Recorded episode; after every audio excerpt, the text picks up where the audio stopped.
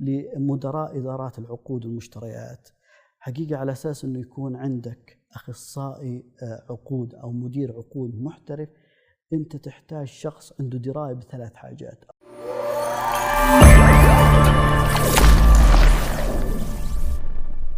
السلام عليكم ورحمة الله وبركاته. معنا اليوم أستاذ علي الحارثي خبرة قرابة العشر سنوات لكن وين؟ في العقود والمشتريات. الله يحييك أستاذ علي. الله يبقيك حياكم الله وإن شاء الله اكون ضيف آه، خفيف عليكم إن شاء الله.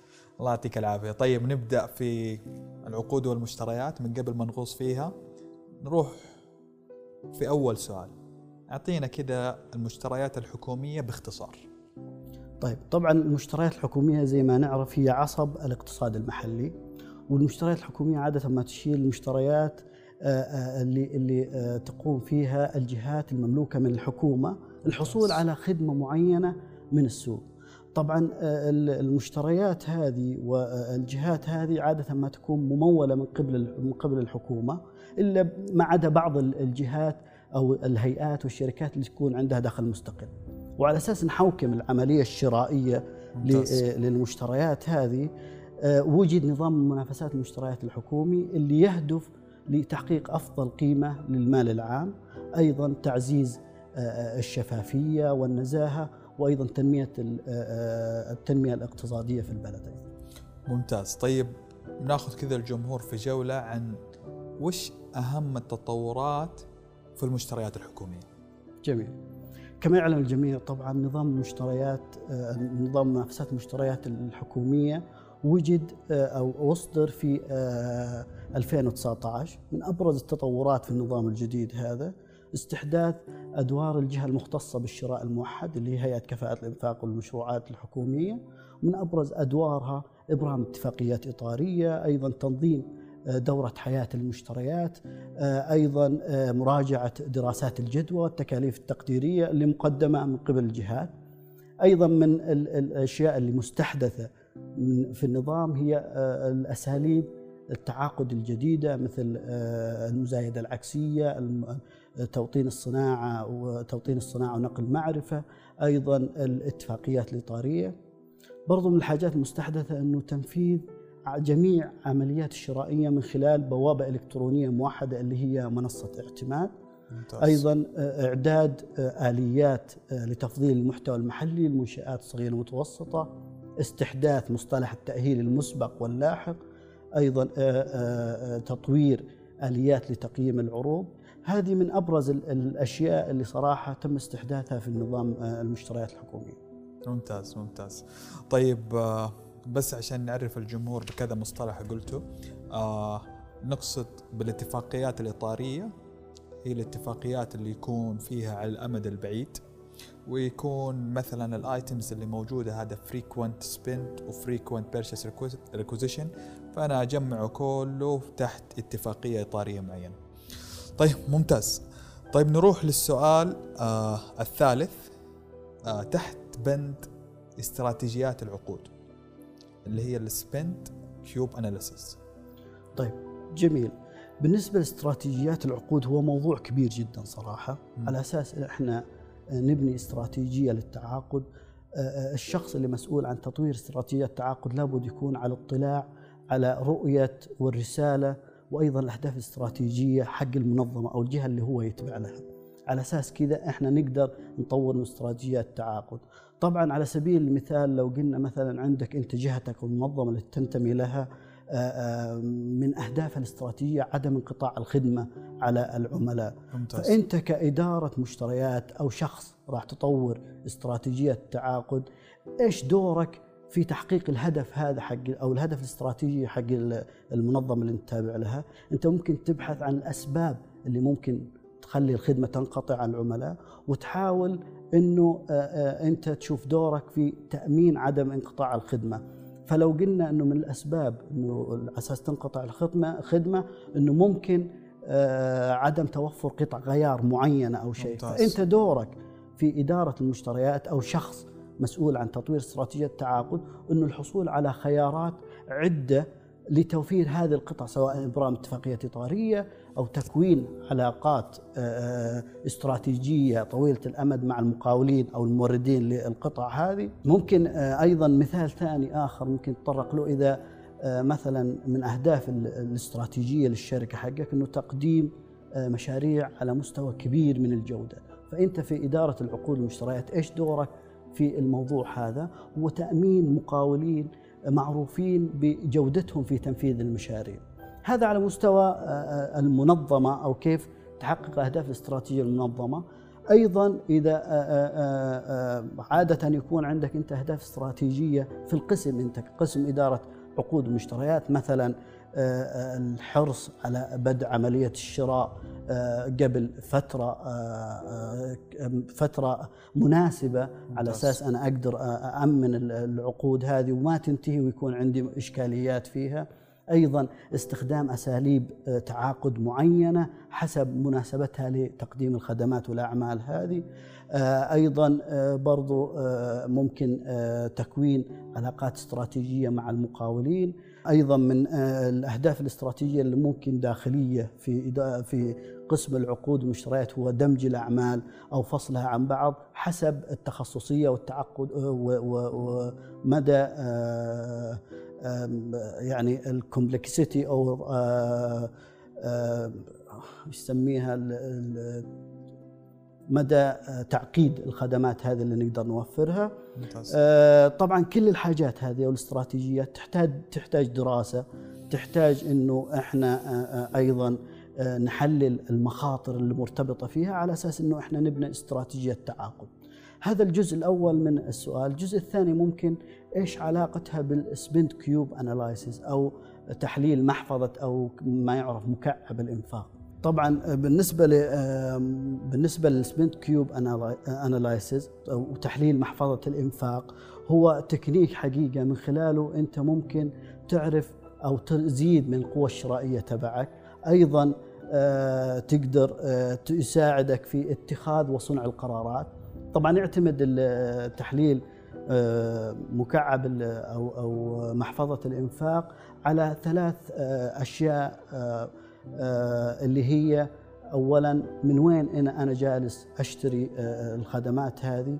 إيش فئة الخدمات اللي أنا أحتاجها؟ وأيضا إيش الجهات اللي طالبة؟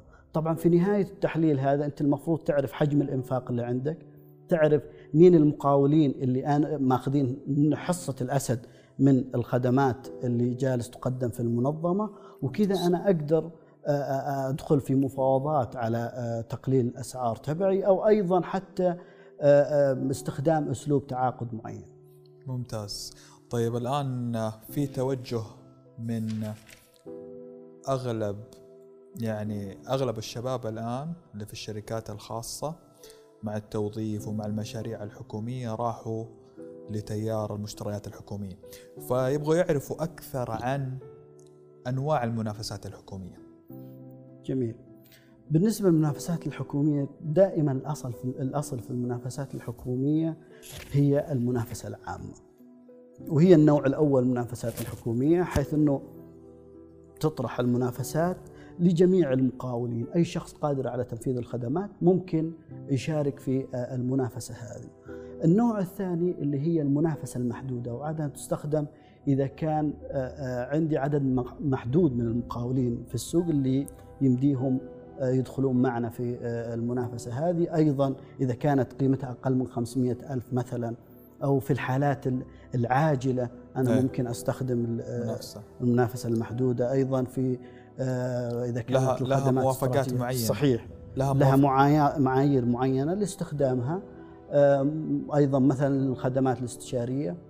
آه، النوع الثالث آه، أتكلم عن المنافسة على مرحلتين، المنافسة على مرحلتين طبعا تستخدم إذا أنا كمنظمة ما عندي مواصفات فنية بشكل دقيق وكامل، فأنا راح أطرح المنافسة في السوق بشكل مختصر والمقاولين المختصين في تنفيذ الأعمال هذه هم ممكن يساعدوني ويعطوني عروض فنية غالبا تكون فنية بدون مالية إلا إذا كان أنا أحتاج أسعار للاسترشاد آه، طبعا بعد كذا المرحلة الثانية أنا ممكن على أساس العروض هذه أبني المقاولة حقي آه، أبني المنافسة حقي واطرحها آه، في السوق آه، كمنافسة عامة. النوع الرابع اللي هي الاتفاقيات الإطارية، طبعا الاتفاقيات الإطارية من الأنواع المستحدثة في النظام الجديد في أو في المنافسات الحكومية وتستخدم عادة إذا كان أنا ما عندي معرفة بالكميات اللي أنا راح آه، آه، آه، أتعاقد عليها، أيضا ال- الأعمال هذه آه، أحتاجها بشكل آه، متكرر. أيضا من المنافسات المستحدثة اللي هي المزايدة العكسية وعادة ما تكون على سلع متوفرة في السوق وغالبا تكون الجهة اللي بتستخدم الأسلوب هذا يكون عندها مواصفات دقيقة جدا ومعايير الم- للأسلوب التنافس أو أسلوب التعاقد هذا المنافسة العكسية عادة ما يكون السعر فقط.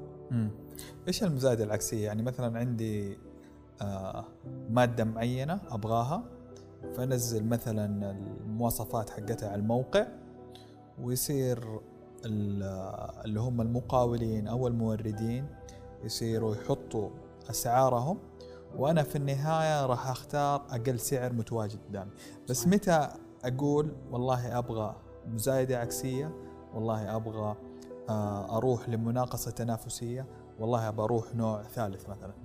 كيف أحدد النوع للمناقصة؟ جميل.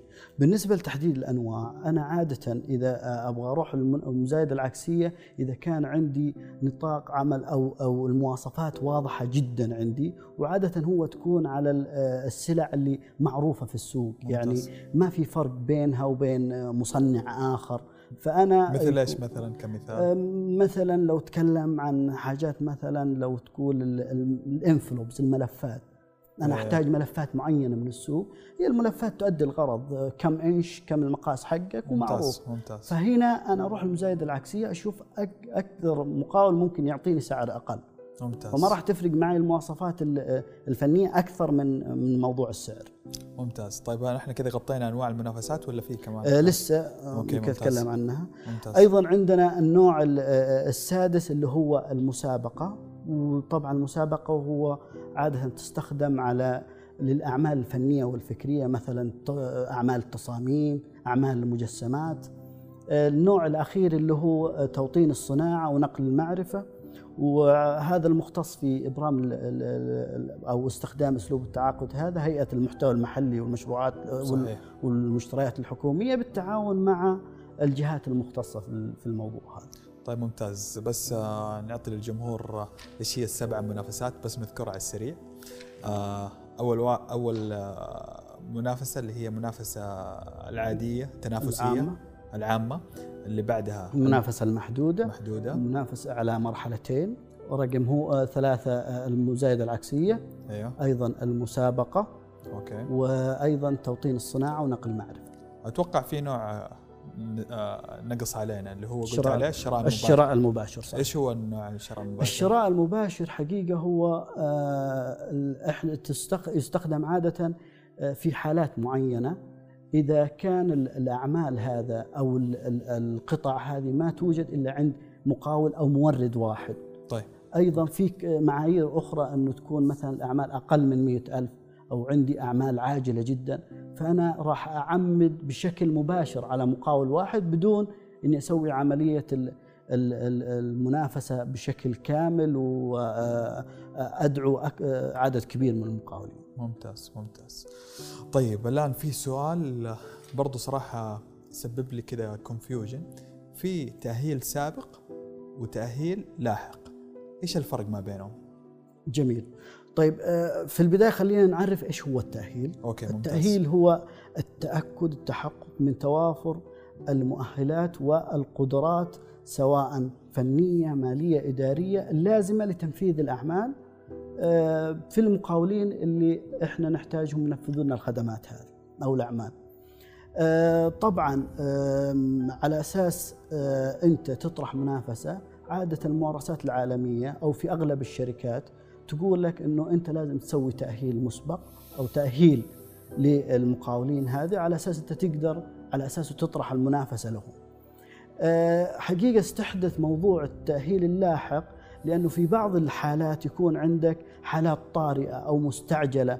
أنت ما تقدر آه، آه، أو أو ما تقدر تتأخر في طرح المنافسة. فممكن أنت تطرح المنافسة ويكون عندك لستة من الفائزين أو من المقاولين وبعد كذا أنت تروح تأهلهم تأهيل لاحق. الفائز فنيا وماليا أنا أروح أسوي له تأهيل. إذا مشى معي ونجح أرسي عليه. ما نجح ممكن أروح للمقاول الثاني أو الفائز الثاني في المنافسة وهكذا. ممتاز. هل في معايير معينة للتأهيل اللاحق؟ آه، بالنسبة للمعايير هي نفس المعايير حق التأهيل المسبق. آه، أنا أشوف هل المقاول هذا مستقر ماليا؟ هل عنده آه، خطة أو سياسة للصحة والسلامة؟ هل عنده خبرات في تنفيذ هذه الأعمال أو لا؟ هذه أغلى المعايير صراحة اللي مستخدمة في المسبق واللاحق. مع بعض ممتاز. طيب الآن أنا استلمت المظاريف وأبغى أقيم العروض. إيش هي المعايير لتقييم العروض؟ جميل. طبعا معايير العروض هي معايير مسبق محددة مسبقا. تستخدم من لجنة فحص العروض على أساس إنه أنا أختار أفضل عرض من المتنافسين المتقدمين. طبعا معايير العروض معايير التقييم هي تنقسم معايير تقييم العروض تنقسم إلى قسمين، معايير فنية ومعايير مالية. حلو. إذا تكلم عن المعايير الماليه هي مثل آه، منهجية إيش منهجية المقاول هذا في تنفيذ الأعمال؟ إيش الخطة الزمنية آه، لتنفيذ الأعمال اللي مقدمها المقاول هذا؟ إيش الخطة خطة السلامة أو خطة الجودة الخاصة في آه، المنافسة هذه؟ ممتاز. والجزء الثاني المعايير المالية غالبا ما تكون السعر. ممتاز. هل في دمج في تقييم العروض ما بين الفني والمالي ولا كل واحد منفصل على حدة؟ حقيقة حاليا مع أول أولا نحن لازم نسوي تقييم فني للعروض حسب المعايير الفنية اللي إحنا حطيناها في المنافسة ممتاز إذا اجتاز المقاول إحنا راح ننتقل لموضوع التقييم المالي، إذا ما إذا لم يجتاز المقاول التقييم الفني إحنا ما راح نضطر حتى نسوي له تقييم ممتاز. مالي. ممتاز. طيب آه نبغى أهمية إدارة العقود ما بعد الترسية جميل آه حقيقة إيش مصطلح إدارة العقود بعد الترسية؟ هي حقيقة مجموعة من الأنشطة اللي يؤديها مدير العقد أو الأخصائي العقد آه أثناء تنفيذ الأعمال بحيث أنه يحاول أنه يمتثل لمتطلبات اللي موجودة في العقد الاوبليجيشن والشروط والأحكام اللي موجودة في العقد آه، طبعا من من امثله الأنشطة هذه اللي هو إدارة أوامر التغيير إدارة المطالبات التحقق من الفواتير أيضا آه، تقارير حالة العقد تقييم المقاول تقييم أداء المقاول أيضا طبعا هذه كلها على المشتريات ولا على قسم آخر؟ صحيح هذه على أخصائي العقد اللي آه، جالس يدير العقد أثناء تنفيذه. أخصائي العقد من آه، اللي هو المسؤول عن تنفيذ المشروع. صحيح ممتاز ممتاز. آه، طبعا إحنا عاده إذا كان العقد بقيمة كبيرة يكون في أخصائي أو مشرف للعقد لإدارة العقد هذا فقط أثناء ممتاز. تنفيذه. بس عادة للعقود أو البرشيز أو الطلبات أو أوامر العمل آه، آه، اللي تكون قيمتها من مليون خمسة مليون أو أقل ممكن إحنا ما نحتاج آه، شخص مسؤول كليا عن إدارة العقد ولكن هو الجهة الطالبة للمشتريات هذه ممكن تدير العقد طيب وبالنسبة لأخصائي العقد هذا تحت إدارة المشتريات ولا تحت قسم مثلا تنفيذ المشروع؟ جميل. حقيقة هي تختلف. هي أنا أنا أؤمن إنه لابد من الإدارة اللي راح تنفذ المشروع عندها أشخاص يشرفون على العقود أثناء تنفيذها. ممتاز, ممتاز. تمام؟ آه بالنسبة لإدارة العقود أو إدارة المشتريات آه تنتهي تقريبا عملها في آه ترسية توقيع العقد وأيضا ممكن بعدين آه، تساهم في موضوع اغلاق العقد. ولكن أثناء تنفيذه لابد إنه شخص يكون في الموقع يدير العقد أداء المقاول إيش تقرير العقد تنفيذ نطاق الأعمال وهذا لازم يكون تحت الجهة المنفذة للعقد وليس إدارة آه، العقود المشتريات. ممتاز. طيب وش أهم النقاط اللي دائما تغيب عن طالب الخدمة؟ يعني أنا مثلا الآن في قسم المشاريع طالب حاجة معينة طالب إنشاء مبنى. إيش الأشياء اللي دائما تغيب عني وأنتم بتواجهوا فيها وبتواجهوا المشاكل دي عن طريق قسم المشتريات؟ جميل. من أهم المشاكل صراحة اللي نلاحظها موضوع التخطيط المسبق الاعمال أنا كجهة منفذة سواء مشاريع أو عقود تنفيذ مش مستمر أنا لازم يكون عندي تخطيط للخدمات أو الأعمال اللي أنا أبغى أطلبها بحيث إني أقدر أوفرها أو أقدر أوصلها لإدارة العقود والمشتريات في الوقت السليم بحيث إنه ما يكون عندي تأخير في تقديم الأعمال هذه. من الحاجات أيضا اللي تقيب عن المقاول أو عن الجهة المنفذة للعقد أو طالب الخدمة هو استخدام أساليب التعاقد المختلفة، عادة أنا على حسب على حسب الأعمال اللي أحتاجها راح أختار الأسلوب التعاقد الأفضل اللي من خلاله ممكن أنا أحصل على الخدمات هذه وأقدر أنا أوصي فيه لإدارة العقود والمشتريات إنه يتبعون أسلوب التعاقد هذا. ممتاز. طيب وش أهم النقاط اللي تغيب عن المقاول؟ جميل. خلينا نتكلم عن النقاط اللي تغيب عن المقاول في المشتريات الحكومية. حقيقة من الملاحظ إنه المقاول تغيب عليه نقاط مهمة من أهمها هو عدم الاطلاع بشكل دوري على منصة اعتماد وفي لازال بعض المقاولين يعتقدون أن أن المنافسات تطرح عن طريق المواقع الإلكترونية أو الجرائد الرسمية. أنا شخصيا أرى حقيقة أنه يستحق الموضوع أنه خاصة الشركات اللي تهتم أو مهتمة في الدخول أو الحصول على مشتريات حكومية ومنافسات حكومية انه تضع أشخاص مختصين على منصة اعتماد فقط لمتابعة المشتريات الحكومية اللي جالسة تطرح، إيش المشتريات اللي تهمنا اللي إحنا ممكن نقدم عليها عروض.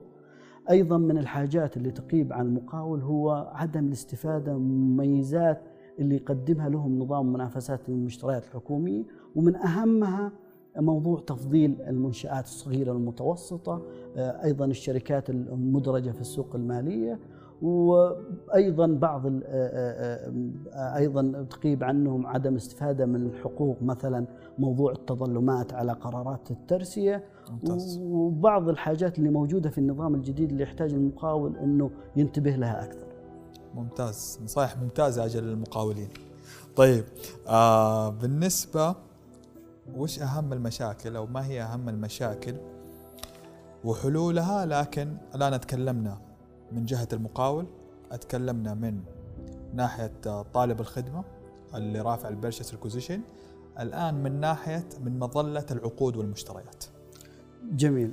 حقيقة من أهم المشاكل اللي لاحظناها موضوع ضعف الإشراف على العقود أثناء التنفيذ اللي هي تكلمنا فيها قبل موضوع إدارة العقد ما بعد الترسية. حقيقة في ضعف إشراف بحيث أنه أنا كجهة ماني جالس أشرف على العقد اللي دافع عليه 100 مليون 200 مليون أثناء تنفيذه فماني جالس أقدر فماني جالس أستغله بالشكل الأمثل. أيضا من النقاط الأخرى عدم وضوح النصوص التعاقدية اللي ممكن يسبب لك نزاعات ومطالبات مستقبلية. أيضا موضوع عدم وضوح نطاق الأعمال. فهنا إذا كان ما عندك نطاق عمل واضح أنت ممكن يكون عندك تضخم في تكاليف العقد لأن المقاول طبيعة الحال راح يحاول يحمي نفسه ضد المخاطر عدم وضوح نطاق الأعمال برفع التكاليف. ممتاز. طيب خلاص هذه عاد النقطة الأخيرة أستاذ علي. نبغى كلمة منك للجمهور. آه الله يعطيكم العافية. شكرا على استضافتكم. أنا حقيقة عندي نصيحتين ودي ودي أقولها. أول شيء لمدراء إدارات العقود والمشتريات. حقيقة على أساس أنه يكون عندك أخصائي عقود أو مدير عقود محترف أنت تحتاج شخص عنده دراية بثلاث حاجات، أول شيء عنده دراية فنية، دراية مالية ودراية قانونية. مو لازم يكون على مستوى خبير في المواضيع هذه، بس مجرد معرفة بالمواضيع هذه ممكن يكون عندك أنت في القسم حقك مدير عقود أو أخصائي عقود محترف. النصيحة الأو- الأخيرة حقيقة آه، للجميع وأنا أولكم أنه دائما لا تحاول تضع آه، آه، تضع حدود لك في موضوع التطور والتعلم وأيضا الطموح أخيرا أنا أقول آه، أنه حقيقة مجال العقود والمشتريات في المملكة مجال واعد جدا خاصة اللي يبدأ فيه. ممتاز. الله يعطيك العافية أستاذ علي. يعني خلاصة عن الطموح طموحك هي اللي أنت تحددها بنفسك. لا تخلي لها سقف. طيب نروح لشعار القناة. نباك بس تقول كلمة للجمهور بداية الشعار فقط. يلا لنلهم العالم. يلا لنلهم العالم. يلا نفيد المجتمع. هذا الفيديو صنع لكم من القلب. والله من القلب. سلام يا حبايب.